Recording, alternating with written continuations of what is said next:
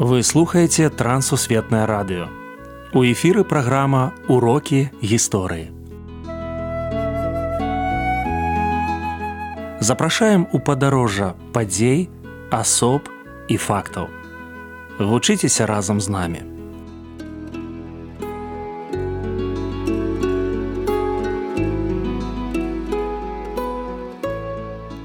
Добры дзень сябры. Перад мікрафонам сяржук брышцель і кандыдат гістарычных навук Андрусь унучак. Сёння мы пагаворым пра Якуба Наркевіча Йотку. Прывітанне Андрусь. Прывітанне сяржук, прывітанне шаноўныя слухачы. Раскажыце пра род Наркевічаў Йоткаў і іх радавы маёнтак. Наркевічы Йоткі яны паходзілі з уздзеншчыны сучаснай радавы маёнтак іх вось гэты наднёман І на сённяшні момант мы маем таксама захаванасць ось гэтай рэшткаў гэтага маёнтку. І таксама яны мелі свае маёнткі ў слуцкім павеце у накапыльшчыне гэта быў род у цэнтральнай беларусі. І на сённяшні момант мы можемм сказаць што ну фактычна захавалася ў значнай ступені іхная такая спадчына радавая. Але вось найбольш выбітны прадстаўнік безумоўна вось якуб наркевіч ётка які э, і праславіў гэты род. Расскажыце пра яго калі ласка навуковец чалавек які займаўся ўсё жыццё навукай прытым рознымі навукамі.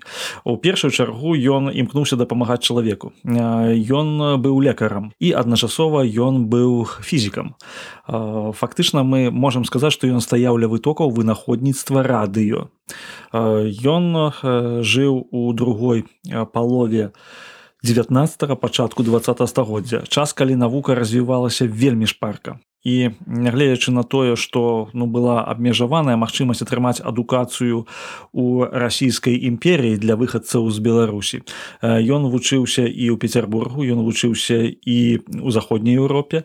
Ён быў шчыльна звязаны з парыжскай школай з французскай школай. І ён у прынцыпе займаўся вось электрамагнітнымі хвалямі. Перадачай электрамагнітных хваляў на адлегласці што і стала по прататыпам сучаснага радыё. На жаль, ён толькі не запатэнтаваў гэта вынаходніцтва, аднак яно было зроблена і пра гэта сведчаць пратаколы парыжскай акадэміі навук ужо ў 1892 годзе. Атрымаўшы бліскучую адукацыю, наш гістарычны госць вярнуўся на радзіму. Як ён паляпшаў штодзённасць тагачасных беларусаў. Сапраўды пасля навучання ў Францыі ён адназначна прыняў рашэнне, што ён будзе жыць у беларусі сярод сваіх землякоў. Ну першы момант што ён пачаў выкарыстоўваць свае навуковыя здабыткі для аздараўлення людзей. Ён лячыў нервовыя хваробы шляхам выкарыстання электратоку і на сённяшні момант мы можемм сказаць ён нават дыягнаставаў гэтыя хваробы. Ён таксама дапамагаў у якасці такога метэаролага ён стварыў першы метэаралагічны часопіс у расійскай імперіі і метэаралагічную станцыю сваім маёнтку над днёман Ён займаўся агранаміяй. Ён падказваў якім чынам і калі лепш вырошчваць якія расліны. І гэта рэальна васпрыяла ўзрастанню ураджайнасці ён быў блізкі да людзей. І ён канешне ну многіх людзей ён просто уратаваў ад складаных вось такіх хваробаў якія на той момант лічыліся невылечнымі.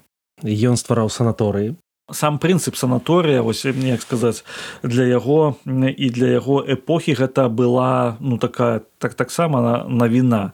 Таму што у беларусі фактычна на той момант санаторыяў не было. Усе хто лекаваўся асабліва заможныя людзі яны выязджалі ў чэхію у нямметчыну і там вось тыя лекавалі тыя хваробы якія ну напрыклад параліч чалавек спаралізаваны і ён фактычна атрымліваў прысуд на ўсё сваё жыццё. Яму удавалася вось шляхам гэтым кропкавых уздзеяння электрамагнітных хваляў і электратоку ён казаў што ўсё цела чалавека яно вылучае выпраменьванне ток электрычнасці ёсць вакол нас. Яна можа это вылечыць. І таму ён дабіўся таго што гэта хвароба лячылася на тэрыторыі беларусі. Конечно это вялікае дасягненне. У чым яшчэ беларускі прафесор апярэдзіў свой час Ён апярэдзіў свой час у некалькіх аспектах. Першы момант я ўжо казаў пра радыё, другі аспект здымкі рабіў унутраных органаў чалавека. І вось у Парыжы ў 2008 годзе была выстава спецыяльна прысвечаная Якубу Наркевічу Йотку і адзін з ягоных першых здымкаў рукі французскага астранома ён быў змешчаны на постары вось гэтай выставы. Ягоная калекцыя вось гэтых здымкаў, якія захаваліся на той момант момант яны ну былі і з'яўляюцца цяпер культурным здабыткам французскай навукі яны лічаць што вось гэты чалавек з беларусі ён паспрыяў развіццю вось у іхным асяроддзі вось этой навукі і таксама ён вельмі моцна імкнуўся да таго каб зразумець таямніцу стварэння. У гэтым сэнсе ён быў чалавекам вельмі пабожным і вельмі веруючым. Да сённяшняга часу захаваліся ягоныя вось такія лісты дзе ён ну кажа што любы навуковец он павінен маліцца. Цікавыя і павучальныя прыклады з яго жыцця і практычнай навукі. Ён казаў што мы прывыклі заўсёды баяцца навальніцы грому Аднак гэта можа нам і дапамагчы. Ён рабіў такія вымяральнікі вось гэтых электрычных разрадаў. Ён казаў, што дзякуючы грому маланцы мы можам назапашваць электрычнасць і яе перадаваць на, на, на пэўную адлегласць. За сённяшняга моманту гэта з'яўляецца такім ну, вялікай такую вялікім адкрыццём. Такім чынам з аднаго боку перашкаджалі развіццю пажара небяспечнай сітуацыі, а з іншага боку выкарыстоўвалі вось электрычнасць на службу чалавеку.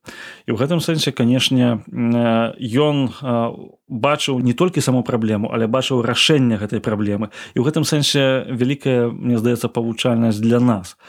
І другі момант ён вельмі любіў сваю радзіму Яму прапановалі пераязджаць у Петербург, абсталяваць метэаралагічную станцыю па апошніх словах тэхнікі. Яму прапановалі заставацца ў Парыжы, працаваць у парыжскай акадэміі навук. Ён сказаў, што лепшага месца, чым мой наднёман ва ўсім свеце не існуе. І ён рабіў гэта там, дзе ён жыў. І ў гэтым сэнсе з'яўляецца вялікім прыкладам для нас.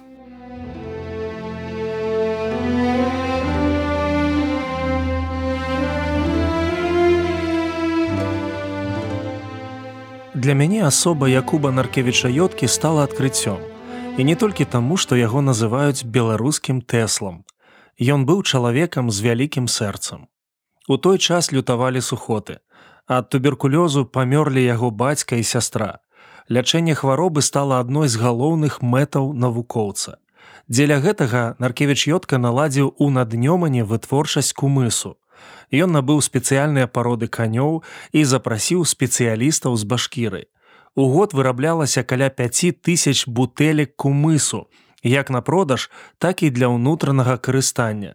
Яны раздаваліся нават сялянам для лячэння і прафілактыкі сухотаў. Якуб Йотка адкрываў аптэкі, З дапамогай электратэрапіі ён лячыў і вылечваў пашкоджаны пазваночнік, заіканне, алалію, нервовыя і псіхічныя захворванні.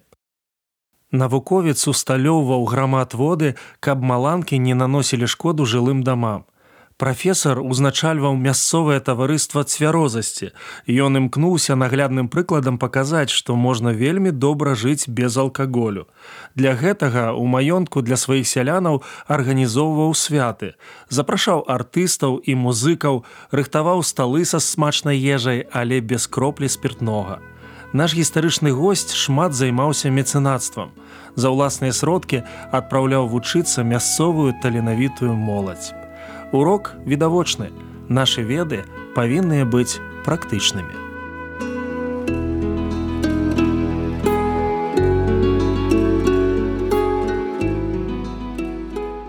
Дзякую што далучыліся да нашага праекту. Калі ў вас ёсць пытанні пішыце калі ласка на адрас. Трансусветнае радыё урокі гісторыі. Паштовая скрынка 45 індекс 22 40 20 город брест 20 беларусь. Пакідаю для сувязі электронную пошту rmtwr кропка бівай сабачка gmail кропка com. Шукайце нас на сайте twr кропка fm до новых сустрэч